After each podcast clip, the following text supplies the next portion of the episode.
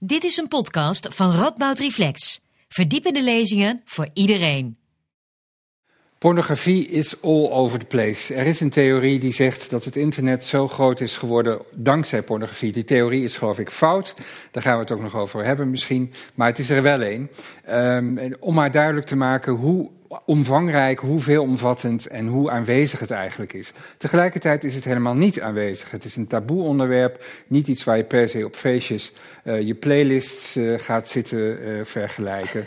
Ehm, zoals je misschien met andere media wel, wel doet. Het zit duidelijk nog in de taboesfeer. Moet het daar eigenlijk zitten? Aan welke verleidingen sta je bloot ehm, als je naar pornografie kijkt of dat leest of op een andere manier tot je neemt. Hoe werkt het in op onze verlangens? Kan pornografie een goede rol spelen in uh, het uh, uh, vormgeven en het leven van die verlangens? Daar gaan we het vanavond over hebben. De verleiding van pornografie. Daarvoor hebben we twee geweldige sprekers. Uh, en deskundige sprekers uh, uitgenodigd. De eerste is Linda Duits.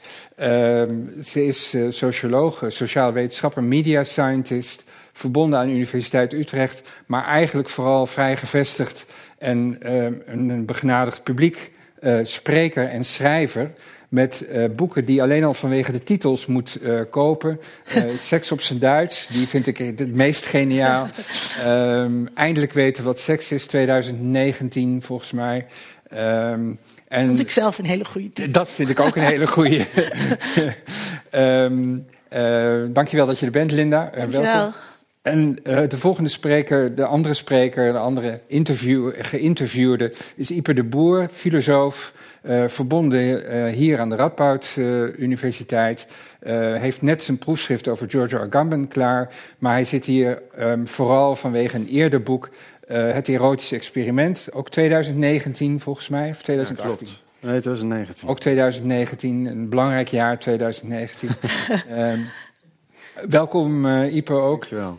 Um, de volgorde is als, is als volgt. Uh, we hebben een, gesprek met z'n drieën. Uh, dat duurt ongeveer 50, 55 minuten. Dan is er ruimte voor het publiek, uh, thuis en in de zaal, om vragen te stellen.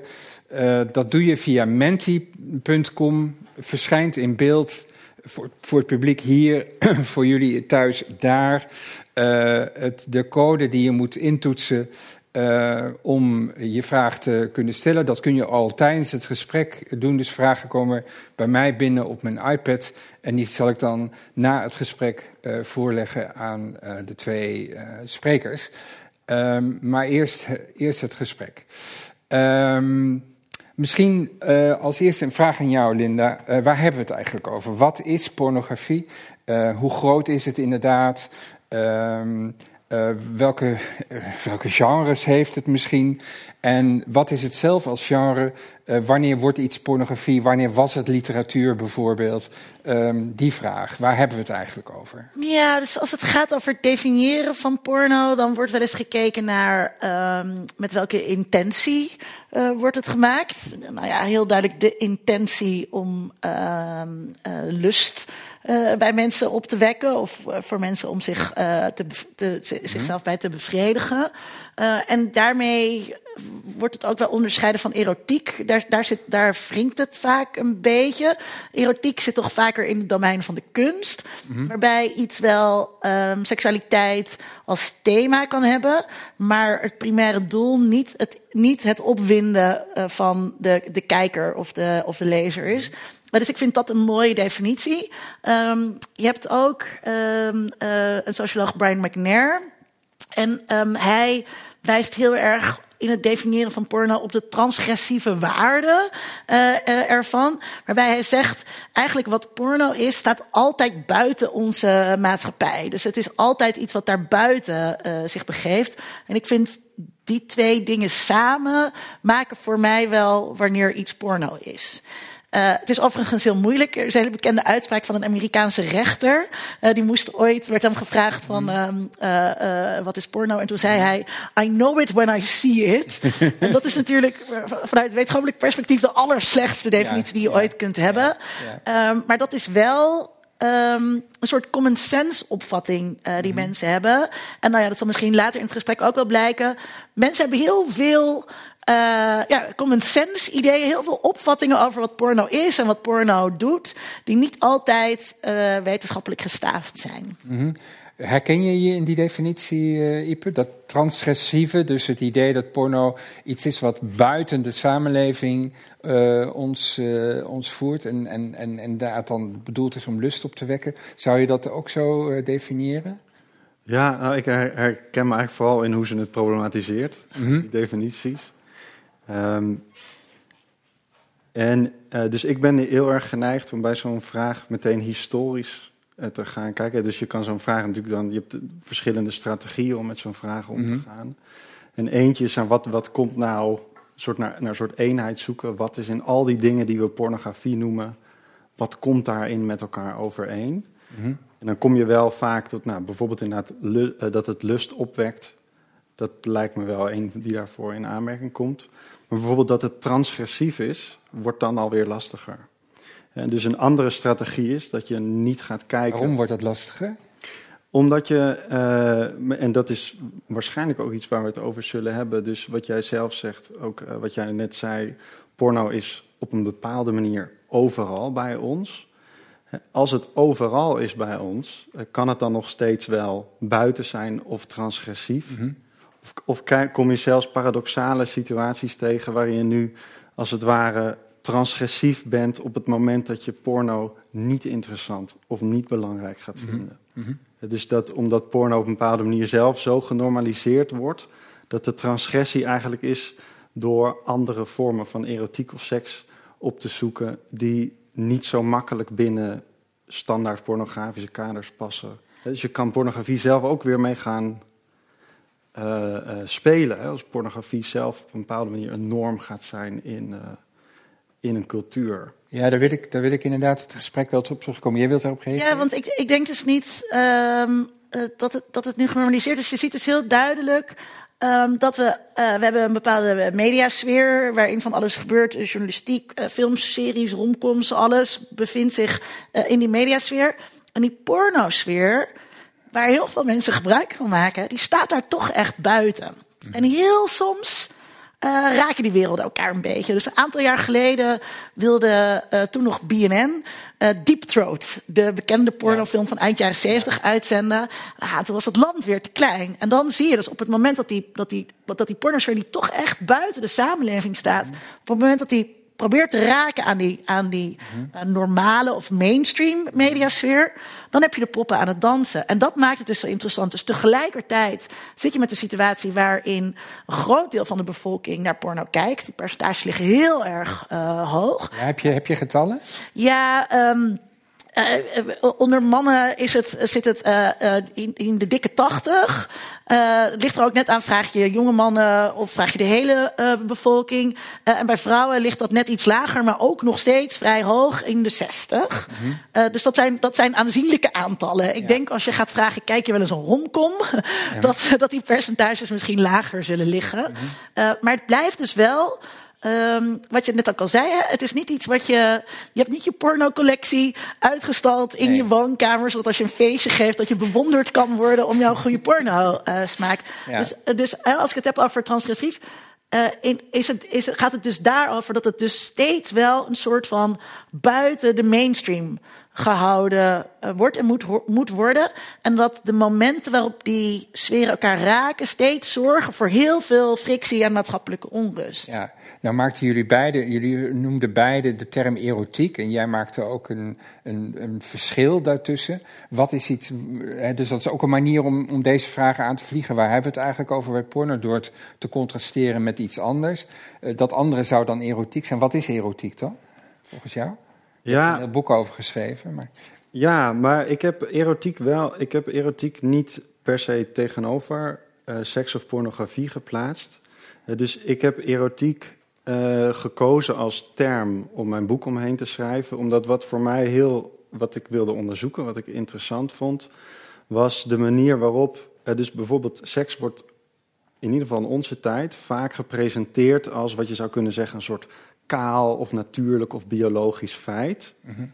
En in die zin zou je dan, en erotiek is, ja, dan hoort er romantiek en betekenis, misschien zelfs religie enzovoorts bij. Maar wat ik onder andere in een van de stukjes in mijn boek heb proberen te beargumenteren, is dat pornografie of zo'n discours over een kaal feit van seks zelf een bepaalde betekenishorizon veronderstelt. En in die zin dus niet buiten of los van betekenis staat. En met erotiek bedoel ik eigenlijk, uh, of ik heb voor erotiek in plaats van seks gekozen, bijvoorbeeld in mijn titel, omdat ik steeds wilde benadrukken dat ook zelfs in de discoursen die zich tegenover erotiek proberen te plaatsen, dat dat niet betekent dat ze dan buiten de cultuur of buiten het betekenisvolle, of zelfs misschien met een wat oudere term buiten het geestelijke staan. Dus voor mij is erotiek, en ik weet niet of dat een standaard manier is van het gebruiken, uh, was vooral een term om aan te geven dat seks altijd binnen een bepaalde sfeer, een bepaalde betekenishorizon plaatsvindt. Zelfs als, als dat er één is die zich presenteert als kaal.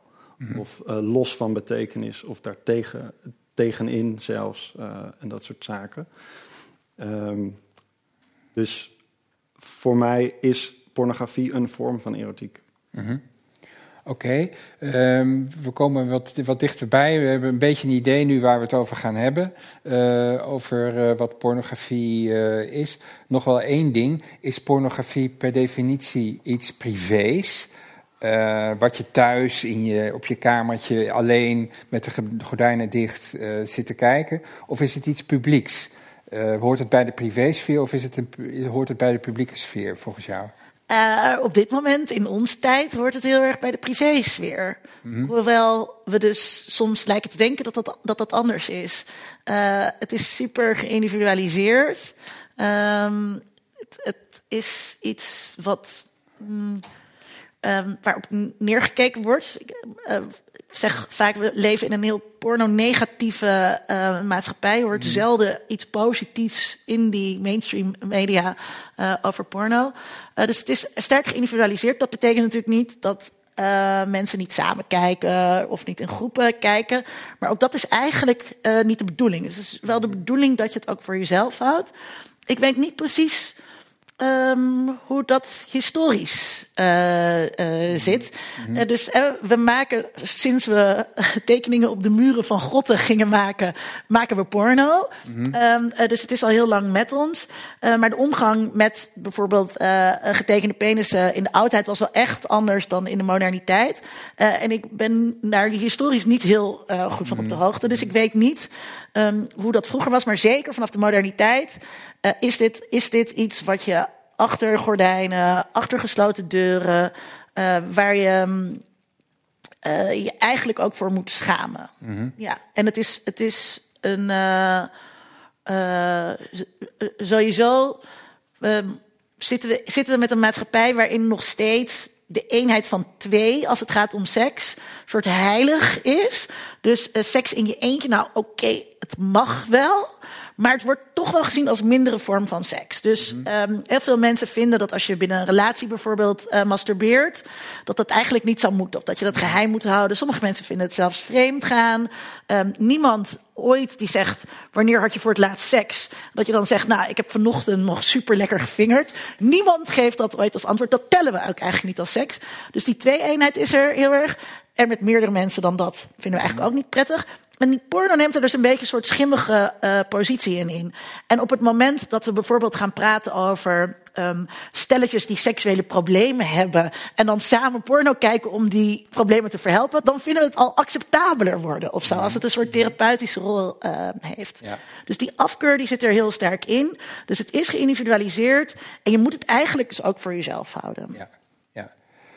Um, Ipe, je, we hadden het over taboe, maar jij hebt het over betekenis. Uh, dus pornografie heeft een betekenis. Vind je dat pornografie dus uit de taboesfeer gehaald moet worden? Um, nee, dus ik ben, ik ben het ook niet mee eens dat het nog in de taboesfeer zit. Of tenminste, ik, ik kan me voorstellen dat er bepaalde aspecten taboeachtig geïnterpreteerd kunnen worden. Maar um, dus bijvoorbeeld als je een onderscheid maakt tussen mainstream media en dus bijvoorbeeld dus dan, wat was het, de NPO of zo? Uh, wat zei je, de, in ieder geval de Nederlandse BNN, omroepzender. Oh, BNN, B- sorry. BNN die, die Throat wilde uitzenden. Ja, maar het is natuurlijk oh, sowieso een vraag of dat nog de mainstream media zijn. Hè? Dus of als de internetplatforms die er nu zijn, of, de, of we dat niet ook als mainstream media mogen gaan, eh, gaan Maar benaderen. zou je dan zeggen, Pornhub is mainstream media? Nou, ik zou meer zeggen dat het feit dat het niet op een overheidsgefinancierd, voornamelijk door eh, mensen van, eh, jij hebt vast betere cijfers erbij dan ik, maar volgens mij boven middelbare leeftijd eh, bekeken wordt, of dat een goede graadmeter is voor. En volgens mij waren daar onder, onder andere om Deep Throat ook voor, voornamelijk ook discussies met dat die vrouwen, dat dat niet helemaal oké gegaan was van hoe zij in die film terechtgekomen zijn. Maar ehm, ik heb ik heb zelf een heel andere, maar dat is met mijn generatie wel, jouw generatie natuurlijk ook, maar dat is wel een contrast denk ik met de oudere generaties. Ik heb helemaal niet het idee dat er een echte taboe op hangt. Het klopt dat het niet zo is dat je inderdaad, eh, zo- dat, je, dat, je, dat je binnenkomt op je werk van, nou, ik heb vanochtend toch lekker gemasturbeerd. Het is niet op die manier, maar ehm, dat, het, was, het was bij, zeg maar, in ieder geval mijn generatiegenoten, eerder raar als je er niet af en toe iets over vertelde of als je, het- als je het niet keek, dan andersom. Eh, en eh, eh, bovendien heb ik ook het idee dat ehm, eh, als je niet een heel strikt onderscheid maakt tussen hele harde porno en meer softachtige porno, dat je nu bijvoorbeeld op Netflix en dergelijke en op Prime Video, maar ook zelfs op Disney Plus, krijg je films die steeds makkelijker ook geslachtsdelen. Hè? Dus vroeger waren het dan nog soms borsten, maar alle James Bond films is het nog gewoon rust, is het nog over de. Hè, dus dat ehm, eh, eh, bloot en, en, en erotisch bloot als onderdeel van films en series heel normaal aan het worden is. Ja, daar, daar, wil- daar wil ik wel wat over zeggen. Dus eh, ik denk ook niet dat porno een taboe is hoor. Maar ik, ik denk dus wel eh, dat het iets is wat je voor jezelf dient te houden. En dat zijn natuurlijk verschillen, dat, is, dat zijn twee verschillende dingen. Over ehm, eh, die, die, die seks. Ehm, kijk, in, in de jaren negentig, toen, toen ik opgroeide, toen kregen we net alle nieuwe commerciële zenders. En al die commerciële zenders zetten zichzelf in de markt door zich vooral te richten op eh, mannen, redelijk jonge mannen, hoog opgeleide jonge mannen, zo tussen de nou, eh 30 en 45. En al die zenders die net opkwamen, die zonden allemaal eh softporno uit. Dus vroeger in de jaren 90 had je Sextetera, Red Shoe Diaries. Die programma's waren allemaal om half elf s'avonds ongeveer te zien. En dat was echt, echte softporno echte softporno. In de zin dat je niet per se penissen in vagina's eh zou gaan. Maar het was heel duidelijk bedoeld om op te winden. Volgens, eh, volgens die definitie. Ehm, dat, was, dat was best wel heftig als je daarop terugkijkt. Je kan ook nog verder in de geschiedenis gaan. Eh, jaren 80 pin-up club van Veronica. Primetime televisie, toen er nog maar weinig televisiezenders waren. Kon je bijna niet eh, omheen. Wat je nu hebt, zijn streamingdiensten. En die streamingdiensten eh, die zijn gericht wederom op eh, in eerste instantie diezelfde doelgroep. Namelijk mensen die voldoende geld hebben om een abonnement te nemen op zo'n dienst. Dus je ziet heel erg toen HBO opkwam, waar hebben zij zichzelf mee in de markt gezet. Met super gewelddadige, gewelddadige en super geseksualiseerde content. Eh, want daarmee verleidde je eh, mensen. En je kon als eh, hoogopgeleide, draagkrachtige, middenklasse persoon zeggen: Kijk mij eens edgy zijn. Ehm, eh, en mij kijken naar, naar dit soort series waarin, waarin dat gebeurt. Daar, daar is wel echt een verschil, want die series zijn op streamingdiensten te zien. Dat betekent dat ze niet afhankelijk zijn van, eh, van advertentieinkomsten. En daar zit dat grote verschil. Dus HBO kon dat ook doen, omdat zij geen eh, reclame hoefden te verkopen met tomatensaus. Die tomatensaus moet je aan families verkopen. En dan kan dat soort content allemaal niet ge- gemaakt worden. En als je dus kijkt naar wat je bijvoorbeeld ziet in Game of Thrones, waar toen veel over gezegd is, dat is wel ehm, geseksualiseerd. Maar het is geen porno. Nee. Dat, dat, dus daar zit wel echt een verschil in. Terwijl die softporno van toen, ja, dat was wel, dat was wel echt, eh, echt porno. Kun Kun je nog even uitleggen wat soft porno en hard porno... Ik weet wel softdrugs en harddrugs, maar uh, soft porno en hard porno... Ja, ik zou dus bij soft porno zeggen uh, dat het minder, minder expliciet is. Dus mm -hmm. het is wel porno in de zin en dat het... ingezoomd.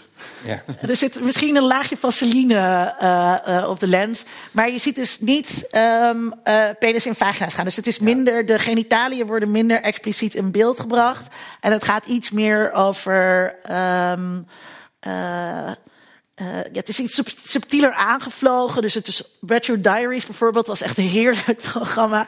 Maar met David Duchovny, die uh, uh, later, of die bekend van X-Files. Ja. En hij kreeg dan altijd een brief van een vrouw. En die had dan een, die had dan een fantasie. En dan ging nog wat meer vaseline over die lens. En dan zag je die fantasie uitgespeeld worden. Maar dat was wel altijd een seksfantasie.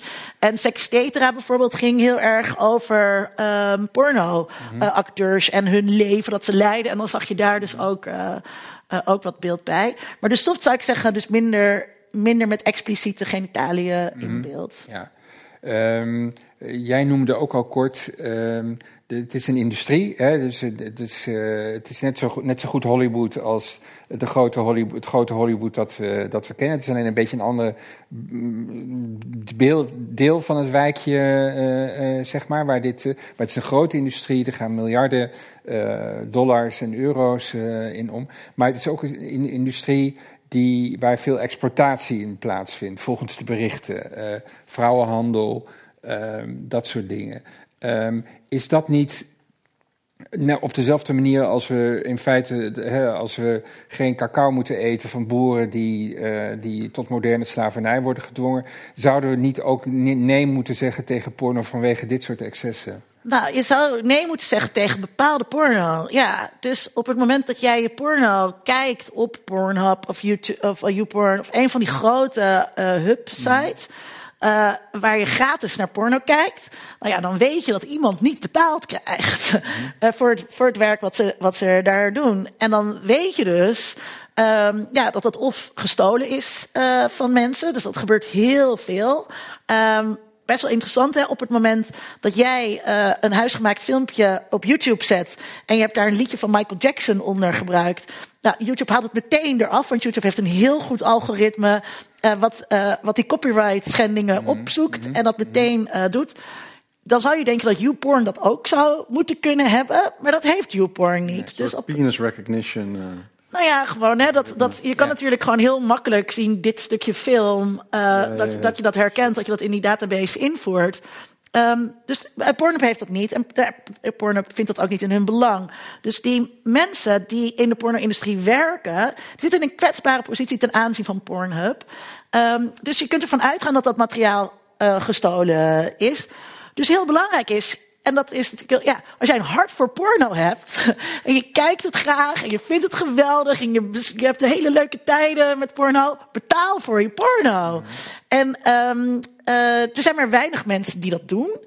Uh, maar er zijn ook makers die daar heel specifiek op inspelen. Dus je hebt zoiets dat heet ethische porno. Mm-hmm. En dat zijn makers die uh, heel erg veel waarde hechten aan die werkomstandigheden. Die dus echt graag willen dat iedereen die op de set staat precies weet waar ze aan toe zijn. Dat ze vooraf kunnen instemmen uh, met wat er allemaal gaat gebeuren. Dat ze heel goed nee kunnen zeggen.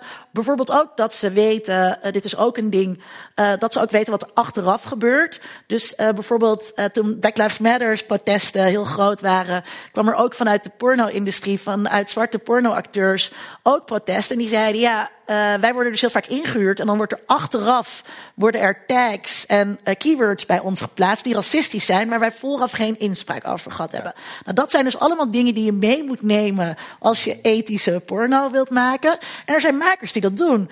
Maar ja, dat betekent wel dat je daarvoor moet betalen. En heel veel mensen zijn daar niet toe bereid.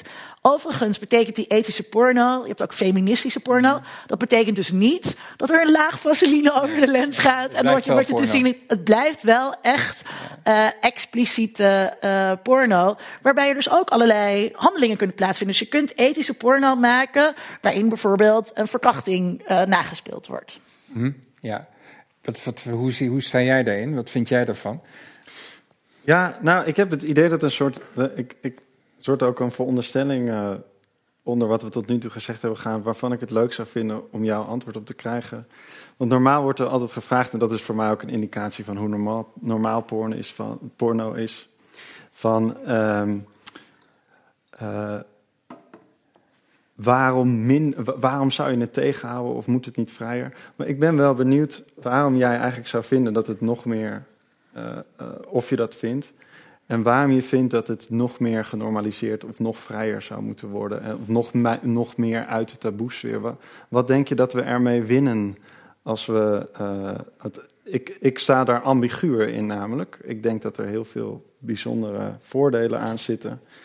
Uniek ook, maar ook wel een aantal kanttekeningen bij. Maar ik ben eens benieuwd. Nee, geef eerst zelf maar eens antwoord. En dan mag zij weer. Ja. Nou, nou oké, dat kan. Uh, maar ik dacht, het is, ik zou wel eens iemand een pleidooi ervoor willen horen houden. In want het is altijd, dat heb ik het idee, dat iemand het moet uh, gaan verdedigen. Waarom je, maar ik ben wel benieuwd, wat, welke criteria hanteren we eigenlijk als we zeggen uh, dat er meer porno zou moeten komen. Of dat het meer in. Waarom? Waar, waarom, waarom ik zou niet zeggen dat er meer porno moet komen, want er is nu al zoveel porno. Ja. Uh, dat, is, dat is niet te kijken. Nee, kijk, um, ik zeg dus ook niet dat. Ik vind dus niet dat porno in de taboesfeer zit. Dus ik zeg ook niet dat porno uit de taboesfeer uh, moet. Nee, we zitten in een uh, porno-negatieve maatschappij. En dat is iets anders. Dus wat ik zou willen, is dat er uh, sowieso veel meer gekeken wordt naar um, uh, het plezier dat seks brengt. En dus ook het plezier dat porno brengt. En op dit moment, in die mainstream media, gaat het bijna alleen maar over negatieve effecten van porno. Uh, waarbij dus ook weer hè, de, de masturbeerder, die, die persoon die in zijn eentje seks heeft. Nou, we zeggen niet meer dat je er blind van wordt. Maar we zeggen wel dat je een vertekend beeld van seks van krijgt. Dat je geen normale seks meer kan hebben. Hè, dus we zijn op die manier ook die, die, die masturbeerder aan het shamen. Um, uh, ik had een interview heel leuk met, uh, met de redacteur van Fox. En die zei: Ja, maar dan kijk je porno, dan ga je steeds extremere vormen van seks hebben, zoals anale seks. En ik zei: Hé, maar hoezo is anale seks een extreme vorm van seks? Waarom zou dat niet. Waarom, waarom mag dat niet gewoon tot het repertoire behoren uh, van, van seksuele handelingen. Wat is er zo mis met die uh, anale seks? Dus wat ik graag zou willen, is dat we um, dus meer op een positieve, of ook op een positieve manier naar porno kijken. En uh, ik ben dan ook alweer zo, op het moment dat iedereen de loftrompet van porno gaat blazen, dan ga ik ook weer de andere kant vast en zeker op. Maar op dit moment zijn dat eigenlijk geluiden die je bijna niet hoort. En wat voor, wat voor mij dus heel interessant is, is um, hoe porno die notie doorbreekt van dat er maar, eigenlijk maar één soort seks is die we goed vinden. Uh, Gail Rubin heeft hierover geschreven, super toffe uh, uh, antropoloog. en zij zegt, je hebt eigenlijk een soort charmed circle, een soort kring. En daarbinnen zit alle goede seks. En dat is seks met z'n tweeën, zonder speeltjes, zonder betaling, zonder grote verschillen. Het moet kappeld zijn, dus liefst. Hè, zij schreef dat in 1984 liefst in een huwelijk. Maar nu zou je ook kunnen zeggen in een monogame relatie waar je samenwoont. En alle seks die daarbuiten staat... Uh, dus met speeltjes, tegen betaling, uh, dat soort dingen. Die seks, ja, die criminaliseren we, die maken we tot heel, tot heel erg evil. Anale seks uh, bijvoorbeeld. Dus um, wat, ik, wat, wat, wat porno ons kunt le kan leren, is dat er ook al die andere vormen van seks zijn, die je allemaal kunt verkennen. Er ligt een hele grote catalogus voor je klaar. We hebben nog nooit zo makkelijk toegang, geha toegang gehad tot die catalogus. Dan kan je gewoon in bladeren en dan kan je kijken wauw, oké, okay, dit lijkt me echt helemaal niks. En oh, ik had niet gedacht dat ik dit leuk zou vinden, maar ik denk dat ik dit ook wel lekker vind. En zo kan je voor jezelf van allerlei dingen verkennen. En ik zou het fijn vinden als we dat verhaal wat meer zouden horen, in plaats van elke keer porno is niet echt. Denk niet dat jij ooit seks gaat hebben als een pornoster. Ja. En nu je tegengeluid, uh, Ipe. Nou ja, dus ik probeer even te verhelderen voor mezelf. Want dus als, het goed, als ik het goed begrijp, dan noem je in ieder geval drie criteria. Dus schaamte is een, is een groot thema in de zin van uh, dat er te veel schaamte nog omheen hangt en dat je denkt dat, uh, dat we er gebaat bij zijn als dat minder wordt. Genot, uh, dus het is een genotsfactor en dat zou. Dat, genot is goed, maar dan. Plezier, juist, maximaliseren plezier. van plezier. En het andere is dat het een, een, een soort emancipatoire mogelijkheden in zich draagt met betrekking tot veelvormigheid. Van seks. En ik zou zelf ook inderdaad wel echt wel geïnteresseerd zijn hoor, in mensen die goed kunnen articuleren ehm, wat positieve aspecten zijn van pornografie. En ik denk zelf ook, want ik heb het iets historischer proberen te benaderen, dat een onderdeel. Dus ik heb het een beetje van de andere kant benaderd. In de zin van niet ehm, eh, wat doet pornografie met schaamte, maar wat is er met onze verhouding tot seks veranderd dat pornografie nu zo makkelijk bespreekbaar is. Dus vanuit de gedachte dat we in een relatief gezien extreem positieve, eh, historisch gezien extreem Open misschien, dat positieve. Misschien beter. Ja. Sure, en, maar historisch gezien ook echt heel positief tegenover pornografie staan. Relatief met betrekking tot andere tijdperken en culturen. Eh, en dan kan je zeggen, ja, dus er is een soort, er is een soort verandering plaatsgevonden. In de zin dat, ehm, zeker als je, het als je het simplificeert, dus we komen vanuit een sterk christelijk georiënteerde traditie, waarin lust als iets natuurlijks wordt opgevat en iets lichamelijks, maar in oppositie met, uh, met geestelijks en uh, relatie met het goddelijke enzovoorts. En in die zin is het iets wat overwonnen moet worden. En daarom hangt er ook schaamte aan. En je zou kunnen zeggen, dus met moderne natuuropvattingen en natuurwetenschappen, waarin op een bepaalde manier God niet meer uh, een relevant, relevante verklaringsfactor is, um, wordt ook als het ware die natuur en die natuurlijke lusten vrijgelaten vanuit het normatieve kader, waarin het als een uh, schaamte voor iets is. En dat je zou kunnen zeggen, dat is aan de gang. Dat is een van de redenen waardoor we nu ook gewoon over pornografie kunnen praten. Eh, zonder, zonder dat we het per se in een moreel ding doen. Dus ik denk dat dat ook bezig is en, en daar kan ik me ook in vinden dat dat, dat dat op sommige punten nog steeds aan de gang is. Uh, met genot en veelvormigheid Um, dus om te beginnen bij veelvormigheid.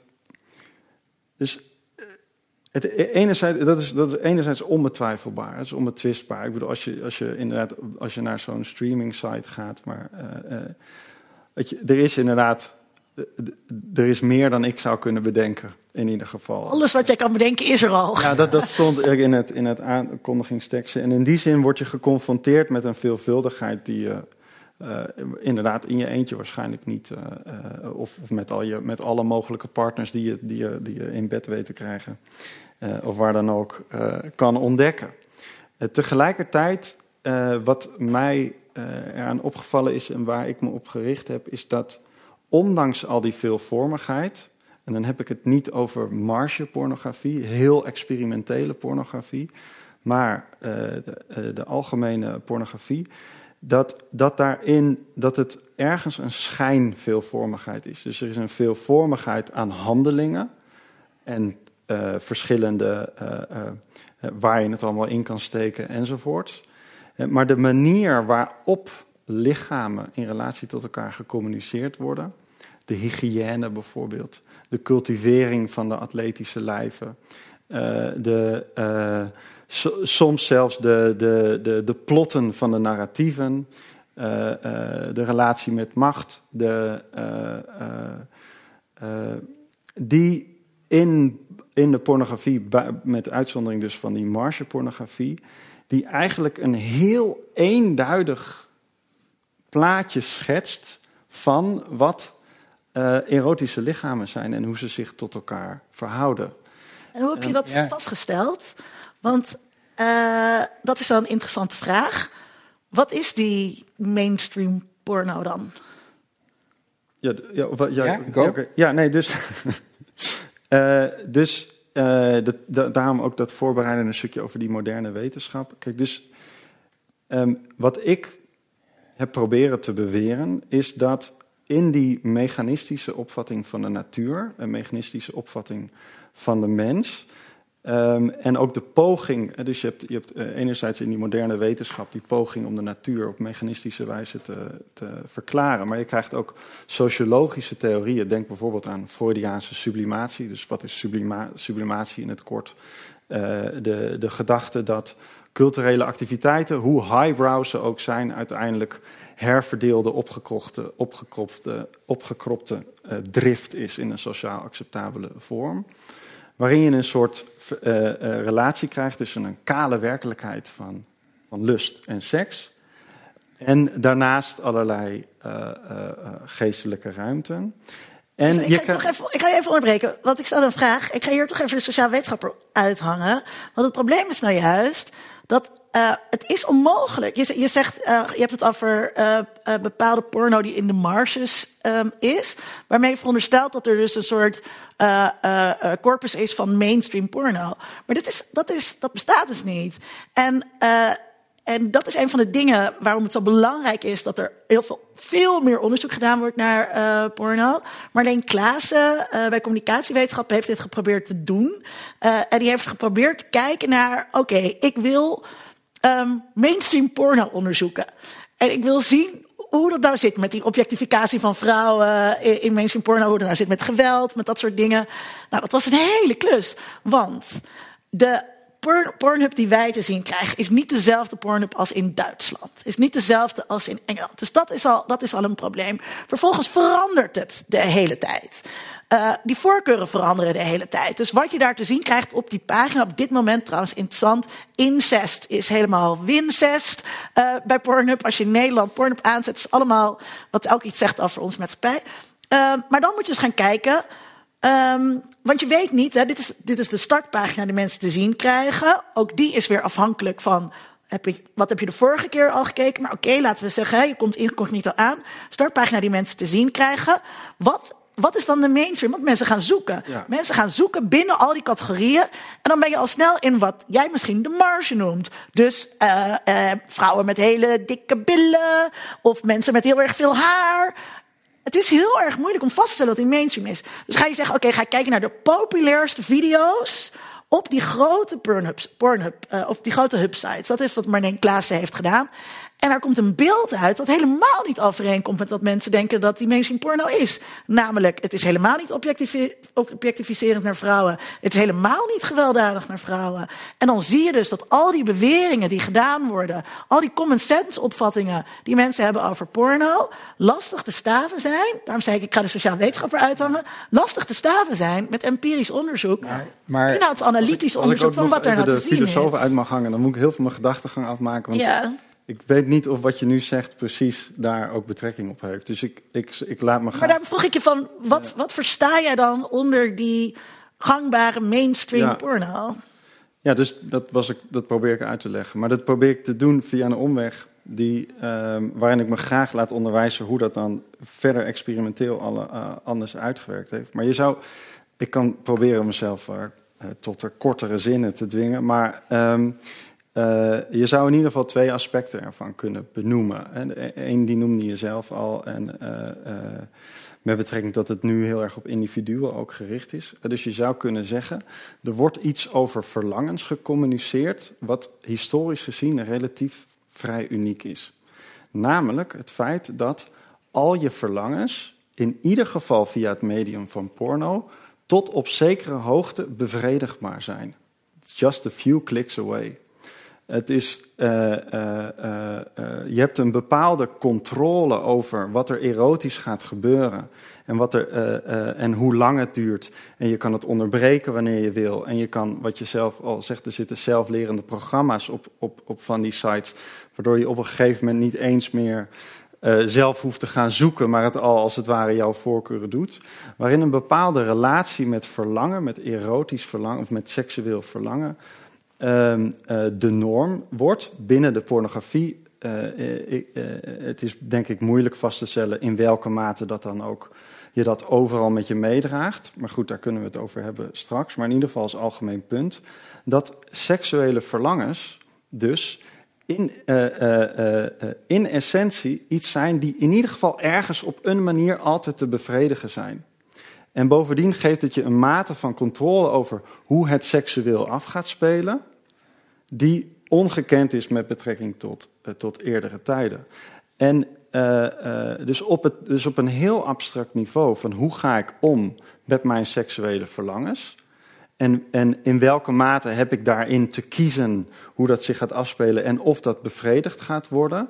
Daarin is wel iets heel unieks aan de gang. En ik kan me voorstellen dat op het moment dat dat jouw standaard relatie is, stel dat je heel veel pornografie kijkt, met verlangens, dus eh, ik, heb, ik weet precies hoe ik het wil, of ik wil steeds weer iets nieuws of wat dan ook, en ik kan dat altijd laten bevredigen, enzovoorts, dat die relatie, dus dat het seksuele ergens volledig aangepast kan worden en gemodificeerd kan worden aan specifiek wat jij er op dat moment van wil, is een relatie met betrekking tot seksualiteit die je zou kunnen zeggen vroeger alleen aan de markiezen en de, de vrije mannen die inderdaad slaven tot hun beschikking hadden, uh, die, wel, die niet anders moesten dan dat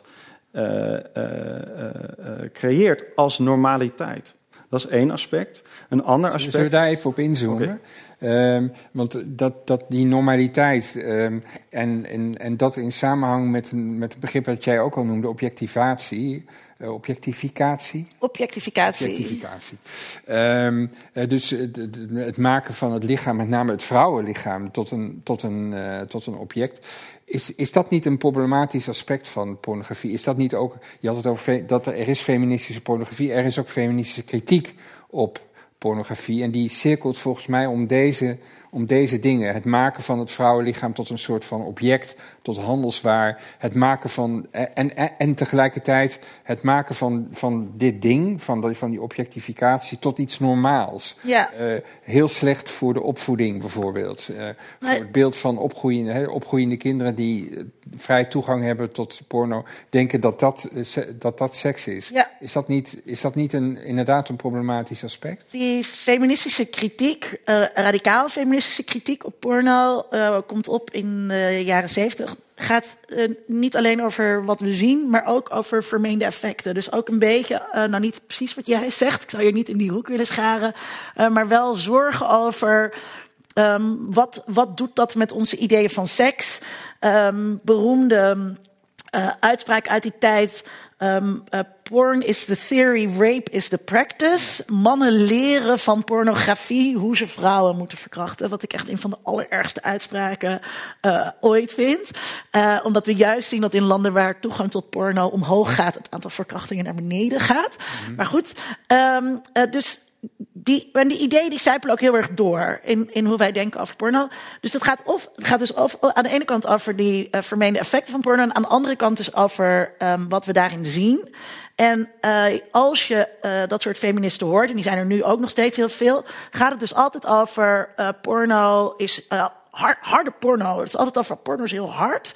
Um, en porno objectificeert. En dat is dus zo mooi aan het onderzoek van Marleen Klaassen. Omdat je, je wil dus op de een of andere manier controleren of die uitspraak klopt. Nou, dan zie je dus dat dat ingewikkeld is. Omdat mm -hmm. je dus heel ingewikkeld is om af te bakenen wat mainstream porno is.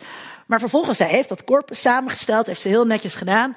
En toen is ze gewoon gaan kijken. Nou ja, hoe wordt objectificatie normaal gesproken geoperationaliseerd. Nou, dat je alleen maar lichaamsdelen ziet. En dat iemand geen hoofd heeft en geen agency heeft, geen handelingsbekwaamheid. Nou ja, waar zij achterkwam, en dat is natuurlijk heel grappig als je wel eens porno kijkt. Um, de hoofden van vrouwen waren juist heel vaak zichtbaar. En uh, ik moet hierom lachen, jullie niet. Jullie kijken duidelijk niet zo heel veel porno. maar het is natuurlijk binnen het pornogenre wordt heel veel klaargekomen in het gezicht van ja. vrouwen. Nou, dan kan je zeggen, hè, dat, is, dat is misschien extra objectificerend. Maar als je dat dus als maatstaf neemt, dan wordt dat dus lastig. Maar waar ze achter kwam, was dat juist het hoofd van mannen bijna nooit zichtbaar was. Want die zijn er echt alleen maar voor die penis, ja. uh, die, allerlei, die allerlei dingen moet doen. Um, en die vrouwen hebben ook allerlei agency. Uh, dus die claim die gelegd wordt van uh, uh, porno objectificeert vrouwen, vond zij heel moeilijk hard te maken. In plaats daarvan vond ze bewijs dat juist mannen daarin geobjectificeerd worden. Nou ja, ik kan daar van alles allerlei kritiek op hebben. Maar het belangrijkste, denk ik, om eruit te halen, is dat je dus heel zorgvuldig moet zijn als je iets beweert over porno klopt dit ook met, met hoe het is? Mm -hmm. En het gekke is dus, juist omdat er zo weinig onderzoek is... en omdat we in zo'n porno-negatieve samenleving uh, leven... worden al die ideeën steeds maar weer herhaald. Jonge mensen vinden dat ook, dus jonge mensen vinden zelf ook. He, dus jongeren die kunnen heel goed al dit soort ideeën over porno reproduceren. Waarbij het maar de vraag is in hoeverre dat nou overeenkomt... met het daadwerkelijke porno-aanbod en ook de daadwerkelijke porno-effecten. Mm, maar toch terugkerend, want ik, vond het heel fascinerend wat je zegt over het in beeld brengen van die gezichten. Um, eh, eh, op is dat, niet, is dat niet inderdaad toch de volstrekte objectificatie? Dus het idee, die vrouw die, die moet klaarkomen, want daar gaat het, daar gaat het over. En die man is in, in staat eh, met zijn gereedschap om dat, om dat, om dat te doen. Hè? Dus dat, dat, is het, dat is het idee. Um, die orgasmes die Um, als je wel eens naar porno kijkt, die lijken vaak behoorlijk fake. Uh, Van de vrouw bedoel je? Oh ja, vaak is dat niet het doel. Hè? Dus uh, het is vaak klaar als de man klaar is. Ja. ja. Uh, Net als wat mensen in het echte leven denken dat het ja. seks is. Is niet. Is niet. Nee. maar, maar, maar is, dat, is dat niet een. een ik, ik heb nog steeds. Ik aarzel nog steeds daar, daarover. Is, de, is dat niet toch objectificatie? Nou ja, maar dan kom je dus weer bij die rechter terug die zei: I know porn when I see Ja, it. ja. Dus kijk, en dat is gewoon eh, vanuit wetenschappelijk perspectief kom je daar niet mee weg. Dus dan moet je zeggen, oké, maar wat verstaan we dan onder, onder die objectificatie? En dan moet je daar, dan moet je daar dus scherper eh, in zijn. Mhm. En eh, dat, dat mag van mij, hè, maar dan moeten we dus met, die, dan moeten we met een scherpere definitie komen. Eh, van, of een scherpere operationalisering komen van wat is. Trouwens ook nog even over geweld, want dat is, wordt Ja. dus ook vaak Ja. beweerd, hè, dat porno gewelddadig is ten aanzien van vrouwen. En wat Marleen Klaassen vond in die studie met die mainstream eh, eh, porno, is dat ja, eigenlijk het gewelddadige dat voorkomt is spanking. Dus een beetje op de billen. Nou ja, en dat is toch ook niet het beeld wat wij hebben als we hebben over gewelddadige porno.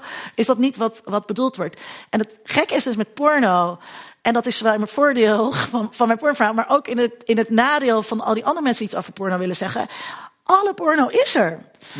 Alle porno is er. Dus er is porno waarin vrouwen super vernederd worden. Er is eh, porno met verkrachtingsfantasieën. er is super lieve porno met eh, aaien en zoenen eh, en, en al die andere dingen. En dat is er Bloemen. Ja. met een bosje bloemen.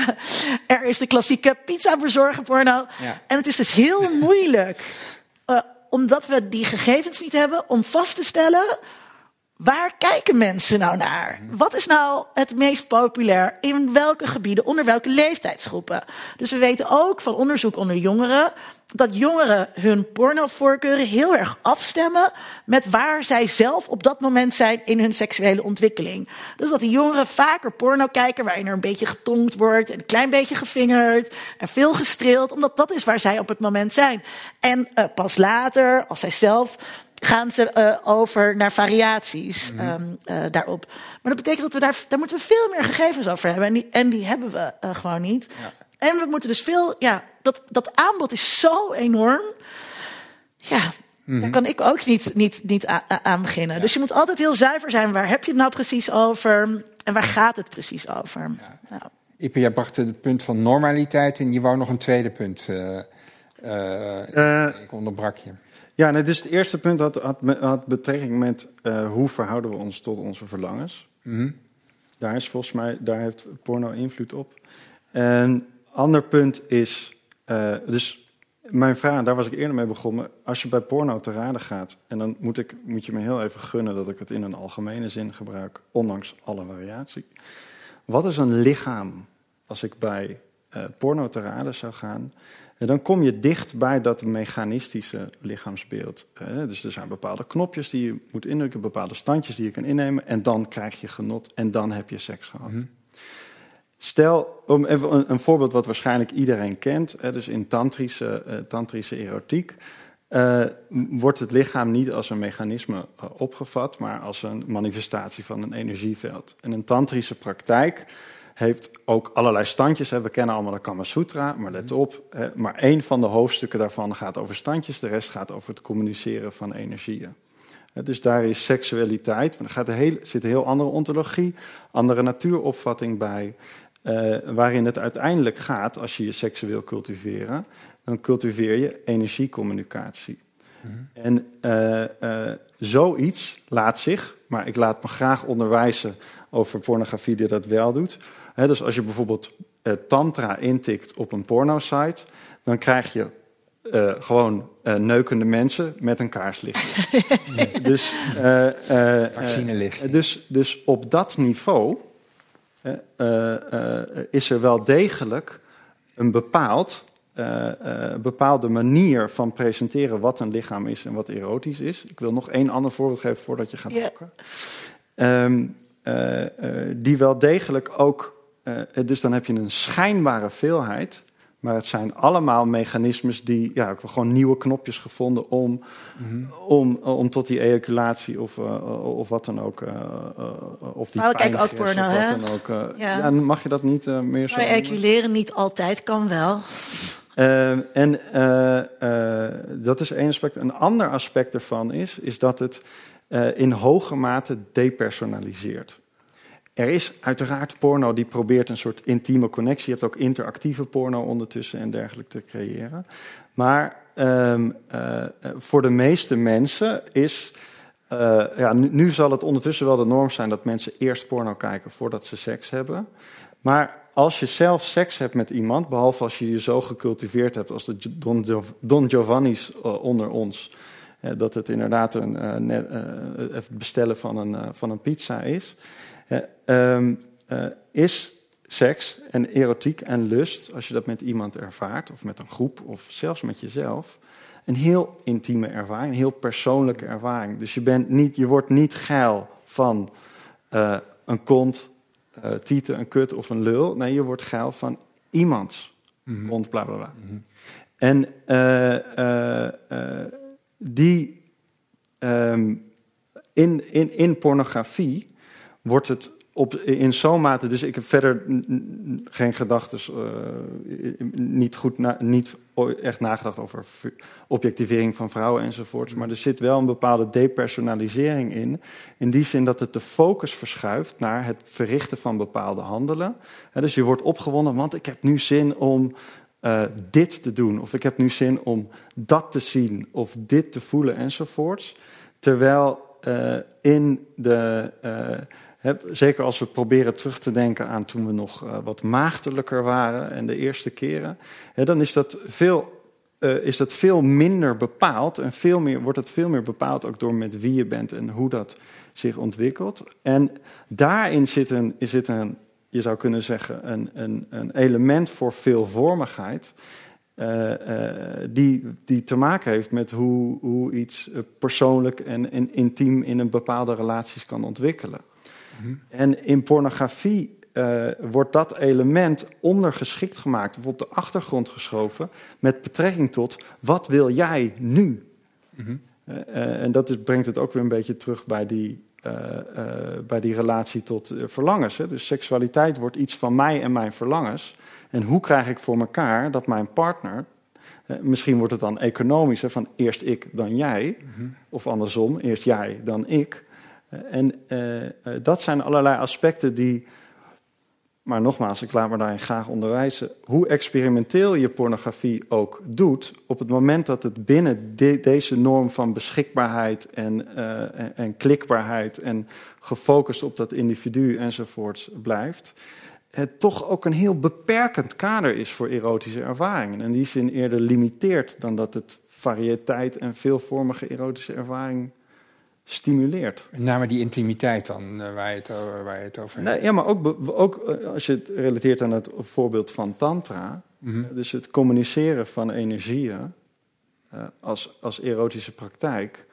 Uh, is, voor, is, voor on, is een vorm die je, die je via pornografie niet zo makkelijk zou kunnen leren, bijvoorbeeld. Er is toch ook helemaal niemand die zegt dat je dat moet doen? Oké, nog even terug. Porno wordt dus gemaakt met de bedoeling om de kijker op te winden. Dus het is heel erg een onderdeel van ofwel een solo-sekspraktijk, ofwel misschien met een partner erbij. Dat op die manier kijken met heel duidelijk een doel, inderdaad, dat orgasme en dat klaarkomen. Het is helemaal niet zo dat porno alle seksuele ervaring zou moeten zijn. Of dat porno die claim legt dat het alle seksuele ervaring is. Het is een klein deel van jouw hele repertoire wat je tot je beschikking um, hebt. We weten dat mensen die veel porno kijken ook veel seks hebben. Uh, um, dus het is geen substitutie-effect, dat is heel belangrijk. Dus wat jij zegt klopt allemaal. Ja. En als jij tantra wil doen, ja, dan lijkt het me niet verstandig, tenzij je jezelf heel erg wil gaan kwellen, om daarvoor porno te gaan gebruiken. Omdat het hele doel van porno is om jou zo snel mogelijk uh, uh, richting dat orgaan of zo. Wel, uh, maar, maar, maar zeker voor, ik denk weer aan als je jong bent, dan zou je het beeld kunnen krijgen van seks uh, seks is alles wat je, wat je ziet op, uh, uh, in, in, in, pornografische literatuur, zeg maar. Ja, dus dan komen we, komen weer. Dan komen we weer uit bij dat, bij, dat, bij dat argument. Maar ik wil eerst even dit, want dat is heel, dat is heel cruciaal in wat je zegt. Dus je zegt hè, dat erotisch domein is veel groter. Ja, natuurlijk is dat erotisch domein veel groter. En er is veel meer dan porno, natuurlijk is dat zo. En er zijn maar weinig mensen die zeggen: ik heb liever porno dan dat ik seks met een echt mens heb. Van vlees en bloed die warm is en al die, en al die dingen. Maar dat is een andere ervaring. En ik denk dat je het op die manier ook moet beschouwen. Dus het is niet zo dat porno de plek inneemt van andere seks. Ik denk ook niet, daar zal ik zo op komen, dat porno dicteert hoe wij uh, seks moeten hebben. Nee, porno stelt jou in staat om binnen jouw eigen fantasie en dat is wat er zo fantastisch aan is, want de fantasie is volledig vrij om binnen je eigen fantasie aan je trekken te komen. En dat is iets, en dat kan. Dat is een onderdeel van hoe je, hoe je seks hebt. En uh, uh, voor sommige mensen is het een kleiner onderdeel. Andere mensen hebben op dat moment even niet zo heel veel seks. Uh, en is dat waar ze op toegewezen zijn. Maar er zijn maar weinig mensen die porno verwarren met seks. De mensen die dat doen, en dan kom ik bij jou, bij jou vraag zijn ofwel mensen die uh, zelden seks hebben gehad en uh, wat, wat ouder zijn, dus op latere leeftijd zijn. Dit hoor ik van seksuologen, dus die komen bij hun in de praktijk, hè, mannen van in de 50, die nauwelijks eigen seksuele ervaringen hebben, die porno heel erg als waarheid, een soort van aannemen van zo zou het moeten zijn.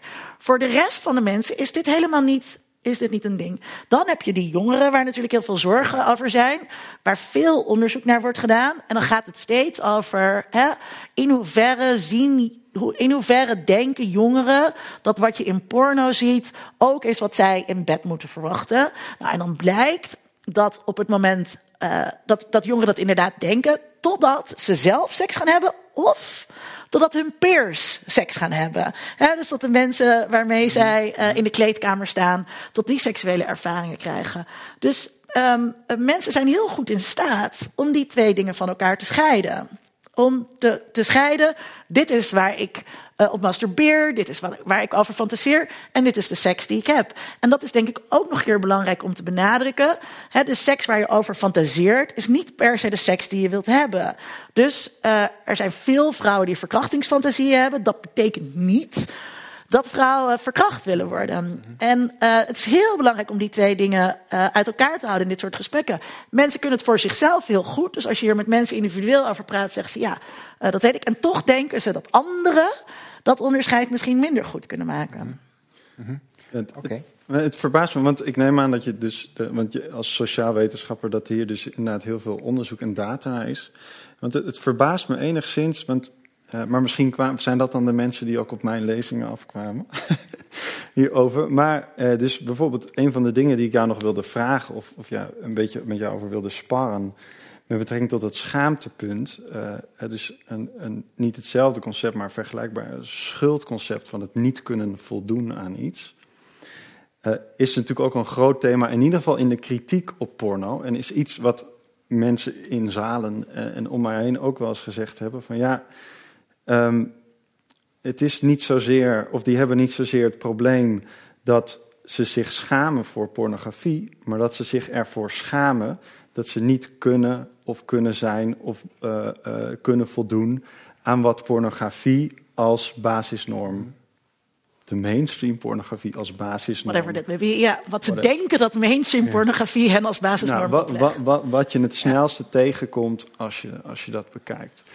Uh, en dan misschien meteen het tweede punt. ook met betrekking tot genot vraag ik me af, ik ben ook benieuwd hoe je daar tegenaan kijkt. Het is de, er zit het is volgens mij goed onderbouwd dat er een verslavingselement in zit. En uh, een van de aspecten van verslaving is dat uh, uh, hoe dwangmatiger het wordt om het te gaan kijken, hoe minder je in staat bent ervan te genieten. En hoe minder je ook ervan in, sta in staat bent te genieten van vergelijkbare dingen die niet specifiek die kick of, of zo'n soort kick geven. En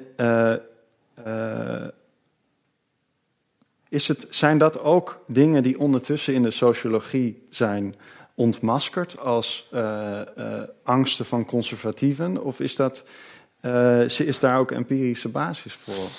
Uh, het, eerste punt wat je zei hè, over die mensen die, uh, uh, die vinden dat ze moeten voldoen aan, aan wat dan een soort porno-norm genoemd wordt. Dus er is ook heel veel te doen geweest natuurlijk over vrouwen die schaamlipcorrecties namen, wat dan aan porno toegeschreven werd. Terwijl de meeste van die vrouwen, weten we uit onderzoek, die schaamlipcorrectie nemen, zelf nooit porno kijken. dus daar, dat heeft iets te maken met een bepaalde verwachting. En daarbij denk ik dat het ehm, wat je daar ziet, en dat is sowieso een probleem, dat mensen heel weinig over hun verlangens praten. dus mensen zijn, mensen zijn bang dat ze aan een ideaal moeten voldoen.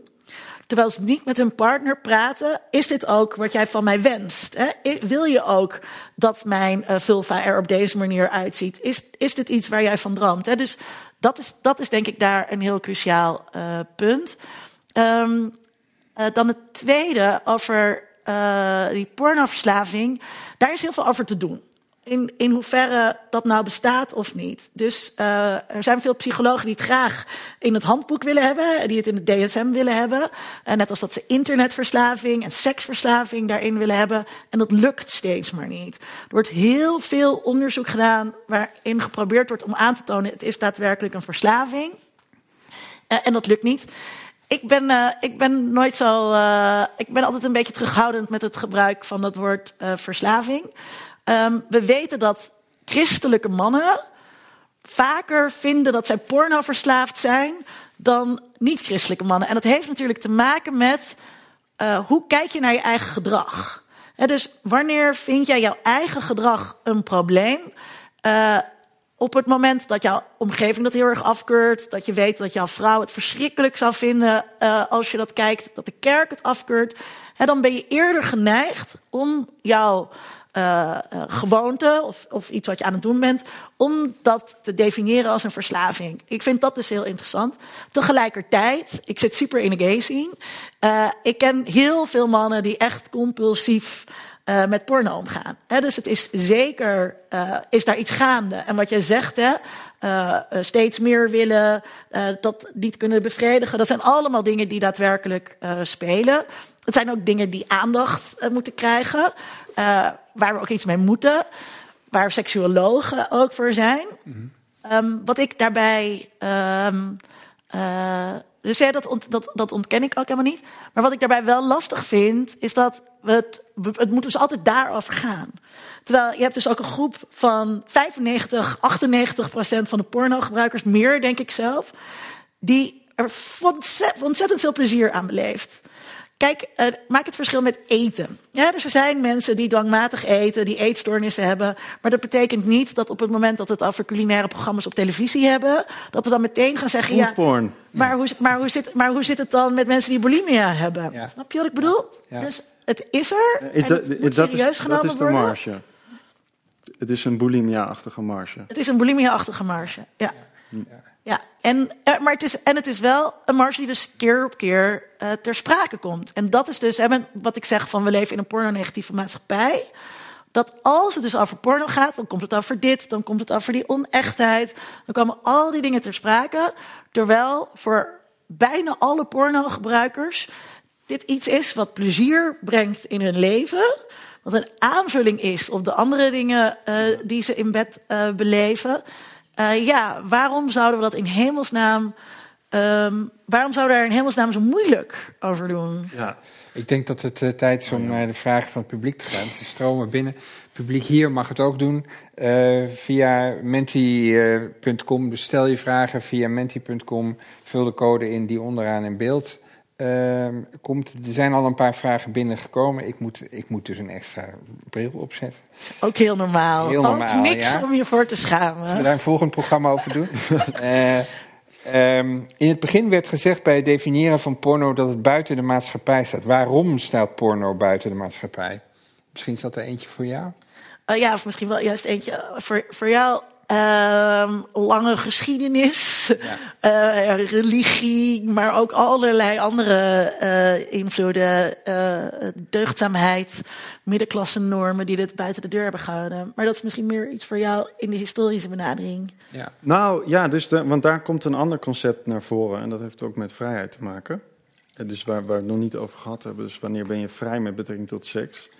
En eh, kijk, dus ik, ben, ik sta niet achter de, de sociaal, compleet sociaal constructivistische benadering hierbij. Dus als je het mij zou vragen, is het niet alleen maar door eh, achterhaalde, ik, jij zei niet achterhaalde, dat is mijn woord, achterhaalde religies en andere eh, moralisten dat, eh, dat seks buiten de maatschappij staat. Volgens mij is er ook, zijn er ook aspecten aan lust en seks zelf die dusdanig krachtig kunnen zijn dat ze allerlei morele eh, grenzen eh, in het geding kunnen brengen. Dus het is ook bijvoorbeeld, als we de, moet ik natuurlijk opeens heel erg op mijn woorden gaan passen, maar alle MeToo en eh, misbruikproblemen, al die, die zijn heel relevant om als systeem en als structuur aan te pakken. Maar we moeten daarbij ook niet vergeten dat er eh, eh, eh, een hele traditie van reflectie is op lust als zelf iets wat om begrenzing vraagt, precies omdat het een kracht is die alle morele begrenzen, als je maar opgewonden genoeg bent, eh, in ieder geval in het geding kan brengen.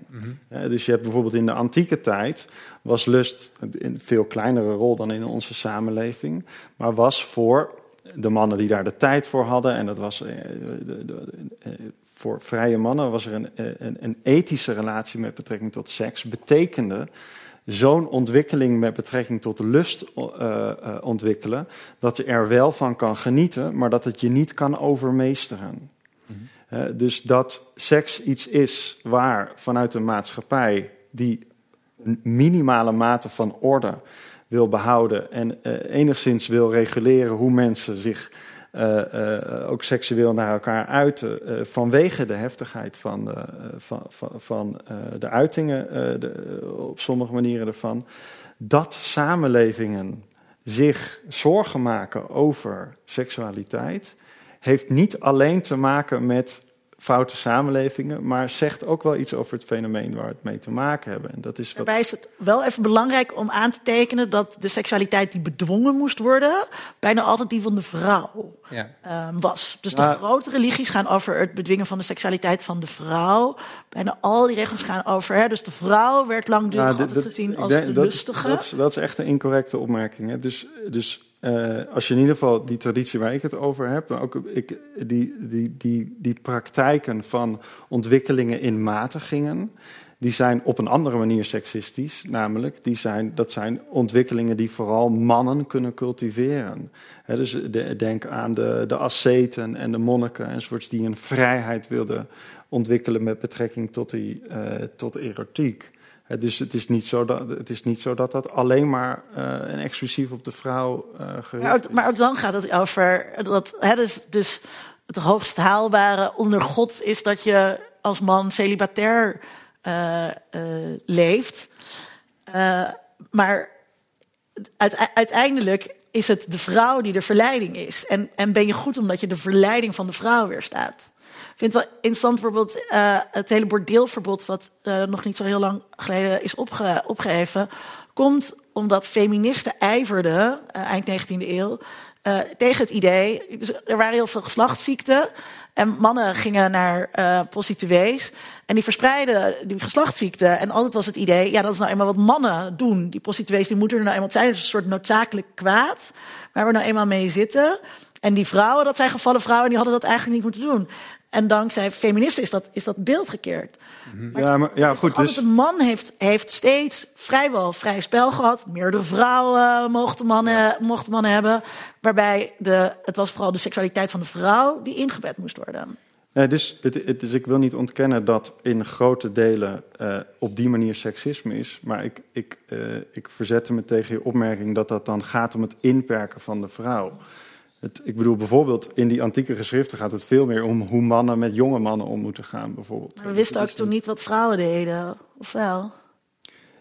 Nee, dus het punt is niet zozeer. Het punt was dat het ook mannen betreft. Ja. En dat daar nog steeds op allerlei vorm, in allerlei vormen en maten sprake is van. Maar ik, ik sta er dus ook op aan omdat je begint over, over, over ehm, de grensoverschrijdingen die aan het licht komen dankzij de MeToo-beweging.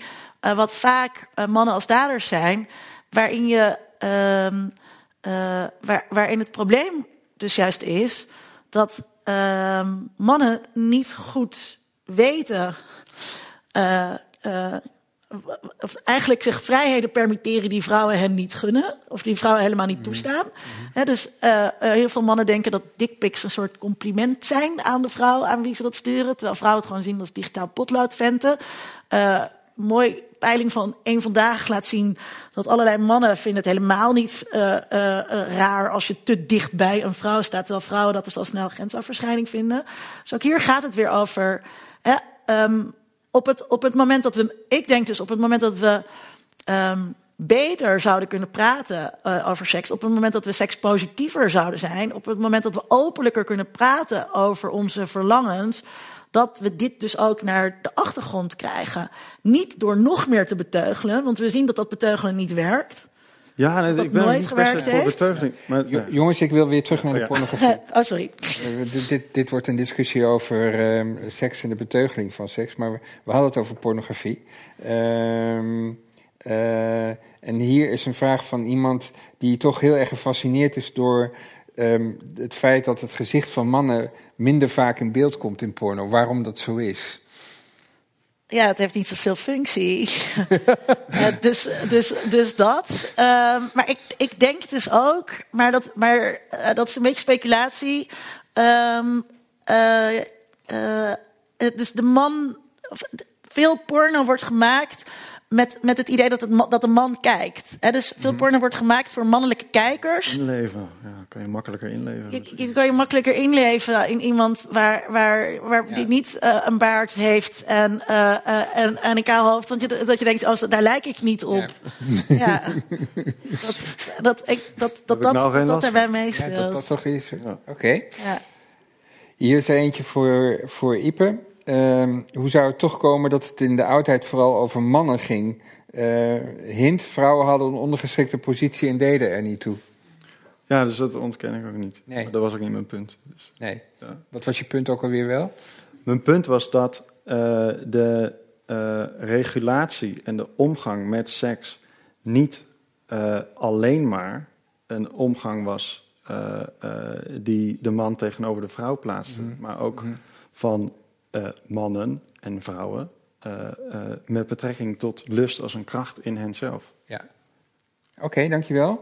Ehm hier ehm, kan tussen haakjes ethische eh, porno een rol spelen bij de bevrijding van de vrouwelijke seksualiteit, meehelpen met de vrouwelijke seksualiteit uit de taboesfeer. Nu, nu, zit er, nu zit de vrouwelijke seksualiteit in de, in de taboesfeer, dus niet de pornografie. Ik, maar- ik, ik denk dat ehm, eh, er, er, er zijn best wel wat meisjes en vrouwen die bezorgd zijn over die werkomstandigheden waaronder porno Ja. tot stand komt. En dat weerhoudt ze ervan om van porno te genieten. Want het is natuurlijk niet tof om naar iets te kijken waarvan je denkt: oké, deze vrouw heeft hier niet voor betaald gekregen of ze deed het tegen haar En zin. net zoals ze niet ethische chocola eten. Precies, of, eh, ja. En ehm, eh, dus eh, als, vol- volgens dat pad zou ik zeggen ja. Hè? Dus op het moment dat je, dus als je daarin geïnteresseerd bent, eh, in Nederland hebben we Jennifer Lyon Bell. Haar bedrijf heet Blue Artichoke. Zij maakt ethische porno. Eh, daar moet je voor betalen. En, eh, maar als je dat kijkt, dan kan je er, eh, dan weet je zeker dat iedereen op de set een goede tijd heeft gehad. En als dat jou helpt om vervolgens meer van porno te genieten en meer te ontdekken wat je lekker vindt en meer in je eigen seksualiteit te komen staan, dan denk ik inderdaad dat dat helpt aan de seksuele bevrijding van in ieder geval die vrouw. Ja, dus er zou eigenlijk een soort keurmerk moeten komen, vind je? Nou, ja, kijk, dat, eh, zo'n keurmerk is altijd, is altijd een beetje is altijd lastig. Ehm, eh, als, je, als je gewoon, ja, betaal voor je porno en dan zit je sowieso beter dan wanneer je de porno gratis is. Ja, daar hoef je geen vinkje bij te hebben, maar als je dat een beetje als regel neemt, dan, eh, dan ben je al een heel Dan eind. zit je, dan zit je goed. Ja. Eh, Erika Lust is trouwens ook nog zo'n eh, ethische pornomaker. Nederlands volgens mij toch? Eh, Spaans Spaans. Ja. Of Zweeds. Zweeds, geloof ik. Zweeds levend in Barcelona. Oké. Ehm, die hebben we ook gehad. Ehm, ja, In het begin werd er gezegd dat het door de stijgende populariteit van porno abnormaal wordt als je geen porno kijkt. Hoe denken jullie daarover? Is, is dat echt aan de gang en hoe beoordelen, beoordelen jullie die trend? Voor jullie allebei? Misschien Ipe? Ja, dus dat was meer een soort anekdotisch uh, over hoe ik dat zelf uh, ervaren heb met betrekking tot mijn generatiegenoten. Um, ik weet niet, ik, weet, ik denk niet dat we kunnen spreken van een soort van shaming van de niet-porno-kijker. Um, maar het klopt wel. Ik heb wel het idee dat je, je, degene die zich moet verantwoorden, is de persoon die het niet kijkt, eerder dan degene die het wel kijkt. Uh, ik heb wel het idee dat zo'n verschuiving aan het plaatsvinden is, maar misschien heb ik daarvoor te veel in een pornovriendelijke bubbel uh, geleefd, want daar heb ik geen sociaal onderzoek uh, verder naar gedaan. Hm. Ja, ik denk, dat dat, ik denk wel dat dat, dat dat klopt wat je zegt. En dan onder mannen sterker dan onder vrouwen. Um, dat dat voor vrouwen, als je als vrouw zegt ik kijk het niet, dan word je niet meteen buiten de kring gezet uh, of raar, raar aangekeken. Uh, dus bij vrouwen ligt dat nog steeds wel anders. En je ziet ook dat die percentages ook echt lager zijn van vrouwen die porno kijken. Ja. ja. Mm -hmm. Dan is er eentje. Oh, mag ik er nog wat over zeggen? Ja, zeker. Um, uh, maar dit heeft ook trouwens heel erg te maken met, met um, religie. Dus uh, uh, het is misschien niet zozeer een pornovriendelijke bubbel waar je in zit, als wel uh, misschien een atheïstische bubbel waar je nee, in ik, zit. Ik ben christelijk opgevoed. Oh, je bent christelijk opgevoed. Ja. maar. maar elke dag voor mijn lijf. dat verklaart alles. Nee, grapje. Maar um, het dus, was een mooie serie um, Bloot. Um, uh, van, met twee jonge makers, uh, de Munk en nou ben ik de naam van die jongen even kwijt. En, maar die jongen die is moslim en dat, gaat heel erg over preut zijn in je lichaam en seks en zo. En natuurlijk niet alle mensen zijn witte seculiere Nederlanders, maar je hebt ook moslim Nederlanders die daar echt anders in staan. en hetzelfde geldt voor praktiserende uh, christenen, misschien moet ik het zo zeggen. Ja, nee, ja, okay. ik ben ook geen, ja. geen expert. Op nee, maar uh, dus, uh, dus in, in streng christelijke kringen is, ligt, dat, ligt dat ook echt anders. Is er echt wel een, een andere omgang met die porno. Ja. ja. Um, dan is er eentje, dat is er dan, denk ik, oh, die wordt expliciet aan jou, aan Linda gevraagd. Um, je had het over die, die standaardopvattingen over porno. Hè? Dus die neg dat negatieve beeld, die objectificatie en dat soort dingen. Um, en de vraag hier is, hoe komt het nou dat die opvattingen voortdurend gereproduceerd worden? Dus, dus dat we elkaar in dat opzicht blijven napraten, zeg maar. Ja, ik denk dus omdat... Um, uh, uh, er, is, er, is weinig, er, wordt, er is weinig onderzoek. Er wordt ook relatief weinig onderzoek gedaan. Um, een aantal collega's van mij aan de UvA hebben dat dus gedaan. Maar die waren ook heel terughoudend om daarmee in de media uh, te treden. Mm -hmm. uh, want je wil niet bekend staan als de porno-professor. En dan -hmm. zie je toch dat dat stigma dat kleeft aan sekswerk. En, pornofilosoof ook niet. Ja. Por, nou, de pornofilosoof, ja. Uh, dat, dat stigma dat kleeft aan sekswerk. En in porno werken is ook sekswerk. Dat dat ook een beetje zich overdraagt op, op wetenschappers. Um, dus er is gewoon heel weinig tegengeluid. En um, uh, ja, dat, dat, vind ik, dat, vind ik ook, dat vind ik ook jammer mm -hmm. dat dat er is. En um, uh, het, het, bij dat soort dingen moet je ook altijd denken, ja, uh, heel veel, je wil ook, mensen willen ook dit soort dingen horen of zo. Dus dan zo'n mijn, mijn porno-positieve praatje, of soort porno-promo-praatje uh, wordt, het, wordt het bijna. Um, ja, dat, dat mensen verzetten zich daartegen, want het gaat in tegen die common sense. En mensen horen graag wat ze al, uh, wat ze al denken. Ja. ja. Maar is het nou zo, Linda? Want, oh, sorry. Ja, Mag ik ook nog een vraag ja? stellen? Je, hebt, je zei dat je ook veel Foucault hebt gelezen. Foucault heeft een fantastische analyse in die geschiedenis van de seksualiteit. van het discours over. we moeten de seks bevrijden. We zijn onvrij. Mm -hmm. En uh, in, zijn, in die geweldige analyse krijg je de, de omkering. Nee, wij het, het, de, de gedachte dat seks dat wij onvrij zijn en dat wij de seks moeten bevrijden, is één en hetzelfde discours. Het is, het is uh, en stel we zouden dat toepassen op porno, en dat is ook, het komt ook meer overeen met mijn ervaring. Nee, wat is hip? Wat is fijn? Wat herhalen we de tijd aan elkaar? Dat porno helemaal niet in de taboesfeer moet. Of Maar, dat maar, het maar, niet- maar, nee, maar wacht even. dat- want als je heel zorgvuldig naar mij luistert. Nee, want ik heb Ja. hier ben ik hier de hele avond heel zorgvuldig op geweest. Ik ben hier altijd heel zorgvuldig op. Want ik heb mijn Foucault goed gelezen. Ik zeg dat dus ook nooit. Ik zeg nooit, we moeten porno uit de taboesfeer halen. Oké, maar dan laten we het Ja. dan andersom doen. Ehm, eh, is het niet zo dat er Maar we moeten wel deconstrueren hoe we over porno praten. En als je gaat deconstrueren hoe we over porno praten, dan zie je dat we dat op een hele negatieve Ja, dus de doen. vergelijking is voor mij zo. Ehm, als, eh, eh, is het niet zo dat het verhaal...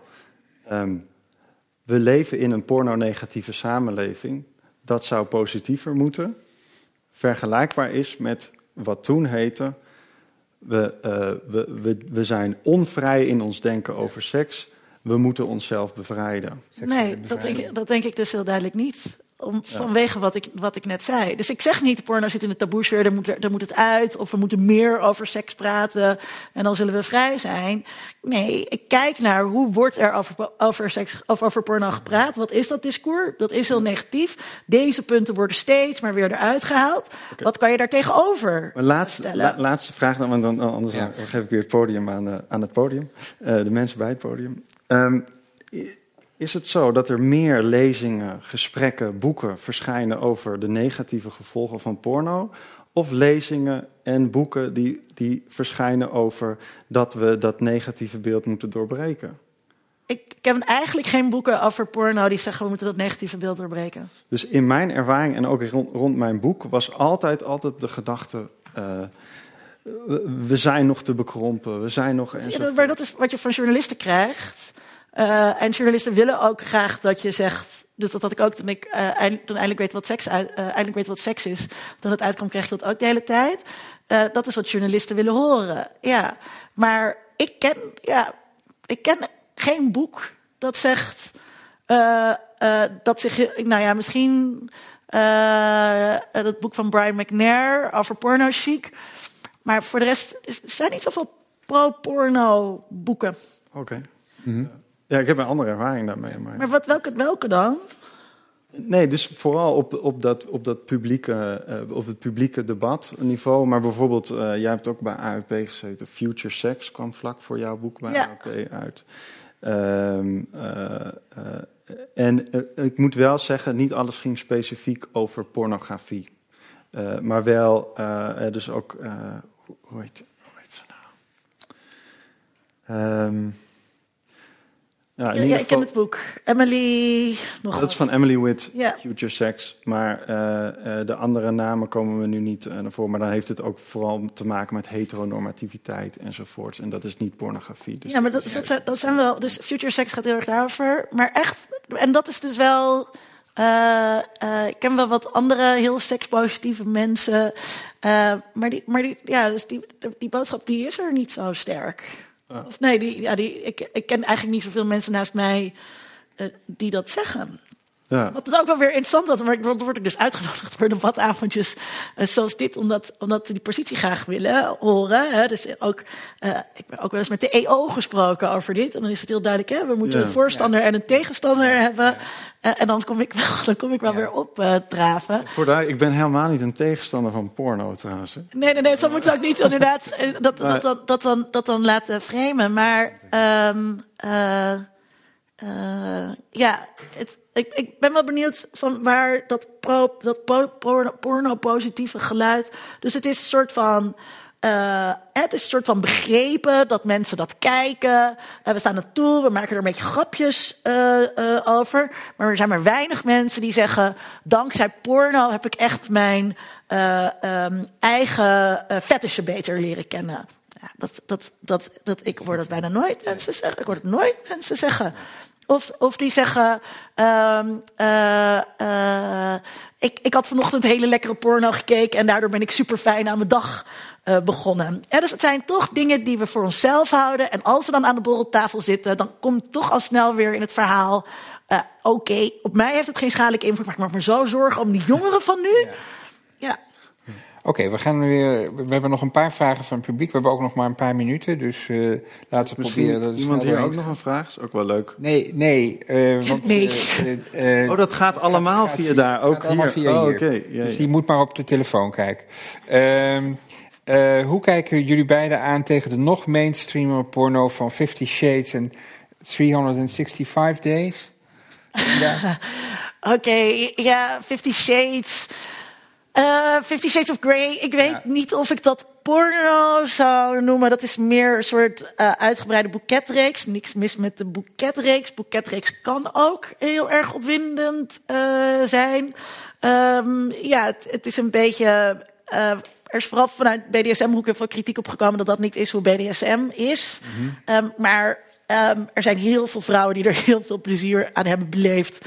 Good for them. Mm -hmm. um, ik zou ik zou het niet per se uh, in de pornohoek plaatsen. Uh, toen, ik zelf, toen ik het zelf ging lezen, ik moest het Waarom lezen. Niet? Wat, is, nou, ja, daar, is dus een grensganger. Ja, dus. daar, daar kom ik dus toe. ik, moest het, uh, ik moest erover praten bij, ook in de debatavond in Groningen. Dus ik zat in de trein van Amsterdam naar Groningen. Dus ik ging het boek lezen. Ik dacht, heb ik precies genoeg tijd om het boek te lezen. En ik maar wachten en wachten en wachten. Wanneer komt seks? En echt, dus bij pagina 101 pas of zo, gebeurt er iets wat enigszins erotisch zou kunnen noemen. Dus om die reden zou ik het geen porno noemen. Ja. ja. Gewoon niet expliciet genoeg. Nee, dus je kunt er opgewonden van worden, maar dat is niet het, het hoofddoel en uh, daarvoor duurt het te lang. Oké, okay. uh, helder antwoord. Ipe, heb jij nog wat aan toe te voegen? Nee. Nee? Uh, dat is mooi. want dan kunnen we naar een van de laatste vragen. oh, dit is een, dit is een grappige. Um, porno zou je seksbeeld niet vormen. Toch heb ik het idee dat mensen vroeger alleen missionarisseks uh, uh, hadden. Maak ik dan een denkfout? ja. Ja, volgens mij ook. Ja, en wanneer, kijk, wanneer is vroeger? Ja. Uh, dus um, het is wel leuk als je gaat kijken naar op het moment. Ik zei net, bij, zolang we media maken, maken we porno. Dus toen fotografie uitgevonden werd, werden er ook natuurlijk meteen veel, veel pornofoto's gemaakt. En die zijn ook super expliciet. En dus dat is ook wel leuk om te denken van mensen die denken van nu, nu zijn we pas heftig.